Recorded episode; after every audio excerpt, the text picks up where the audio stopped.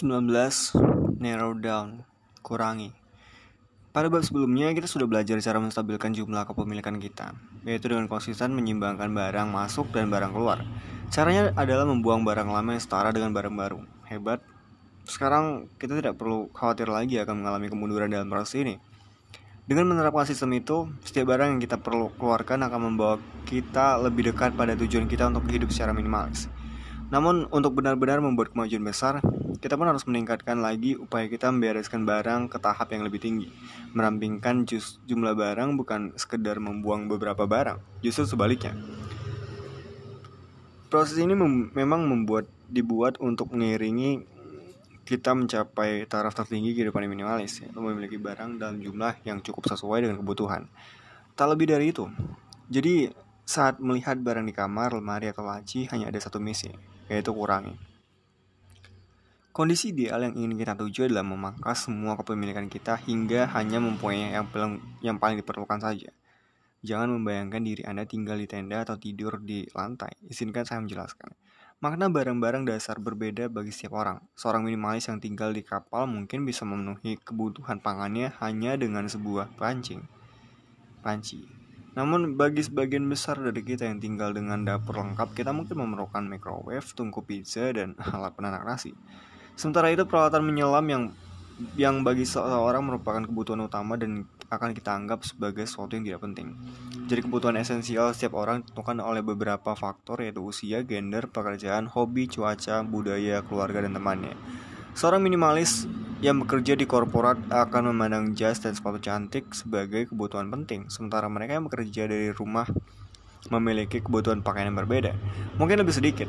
Orang tua dengan anak usia balita memiliki daftar kebutuhan yang berbeda dengan seorang lajang yang tinggal sendiri. Keperluan pecinta buku dengan penggila olahraga berbeda. Begitu pula pelajar dengan pensiunan atau lelaki dengan perempuan.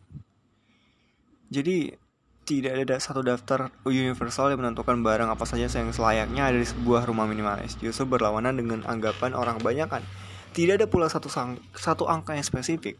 Tak masalah jika Anda memiliki 50, 500, atau 5000 barang. Yang terpenting barang itu cukup dan tidak berlebihan bagi Anda. Anda yang harus menentukan daftar Anda sendiri kalau menyesuaikannya dengan kepemilikan kepemilikan Anda saat ini. Dan begitu langkah pada tahap ini bertujuan mengurangi jumlah barang kita hingga ke tingkat yang paling optimal bagi diri kita sendiri. Setiap kali kita mengambil satu barang, berhenti dulu dan pikirkan apakah barang itu benar-benar dibutuhkan atau hidup kita akan berjalan seperti biasanya tanpanya. Jika kita mengetahui bahwa kita memiliki barang yang sama dalam jumlah besar, segera kurangi. Saat menemukan kotak berisi barang-barang tak terpakai, segera pertimbangan untuk membuang kotak itu beserta semua isinya. Kabar baiknya adalah sambil meneruskan perjalanan minimalis ini, jumlah barang yang kita anggap sebagai kebutuhan pelan tapi pasti akan berkurang. Selain membereskan barang dengan cara-cara biasa, kita juga bisa mengurangi dengan cara-cara kreatif. Misalnya memilih menyimpan barang multiguna daripada barang dengan hanya satu fungsi. Memiliki sofa yang bisa diperluas berarti kita tidak perlu membeli tempat tidur tamu. Alat cetak dengan fungsi scanner berarti kita tidak membutuhkan dua alat terpisah. Ponsel pintar pun sudah dilengkapi dengan berbagai fitur seperti kalender, jam, kalkulator, catatan jadwal kerja, dan lain-lain. Berdasarkan hal ini, Tujuan kita adalah menyelesaikan tugas sebanyak mungkin dengan menggunakan barang sedikit mungkin. Menggunakan prinsip yang sama, kita pun dapat memilih menyimpan barang yang bisa digunakan dalam banyak kesempatan, alih-alih hanya dimanfaatkan pada situasi khusus. Wajan berukuran agak besar memiliki fungsi sama dengan berbagai wajan tipe lain. Sepatu hak warna hitam cocok dipadankan dengan pakaian kerja dan kasual hingga sehingga praktis sebagai perlengkapan lemari pakaian kita. Daripada sepatu berwarna lila yang hanya bisa dipadankan dengan satu biji tertentu. Pembersih serbaguna pun sudah cukup untuk menjaga sesi rumah tetap mengilat sehingga tak perlu lagi membeli berbagai produk terpisah untuk wastafel, bak mandi, cermin, dan meja dapur. Akan tetapi dalam proses mengurangi jumlah barang ini, ada kalanya kita akan terhenti saat menemui barang-barang tertentu. Biasanya ada alasan sentimental yang muncul di pikiran kita. Barang-barang dengan kenangan tertentu memang sulit dilepaskan, namun tidak usah khawatir. Minimalisme punya cara tersendiri untuk menangani hal ini. Anda tidak perlu merasa berkewajiban menyimpan semua barang atau rumah yang diwariskan kepada Anda oleh kerabat atau keluarga dekat. Satu atau dua barang istimewa pun sudah cukup untuk menjaga kenangan mengenai mereka. Hal ini Berlaku juga untuk kotak berisi pekerjaan sekolah, kenangan hari pernikahan, barang-barang bayi, kenangan perjalanan, dan lain-lain. Pilih satu barang saja untuk mengenang suatu peristiwa atau pengalaman. Pertimbangkan ukuran dan kemudahan barang itu dipindah tempatkan.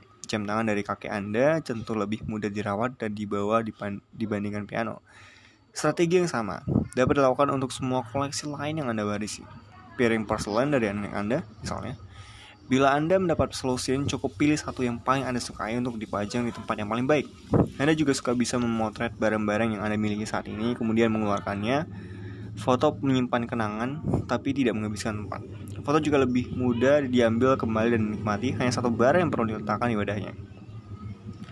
Terakhir, kita juga dapat mengurangi dengan mengubahnya menjadi versi digital. Koleksi seperti musik, film, foto, game, dan buku ini bisa dijadikan versi elektronik. Kita beruntung hidup di era yang sangat ideal sebagai minimalis.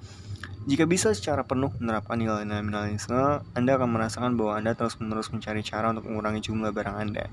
Gunakan daya kreasi Anda, anggap saja ini tantangan pribadi untuk dapat hidup dengan sedikit barang. Dan jangan lupa ciptakan pengalaman seru sambil melihat berbagai cara baru. Anda pasti terkejut melihat apa yang bisa Anda lakukan tanpa banyak barang.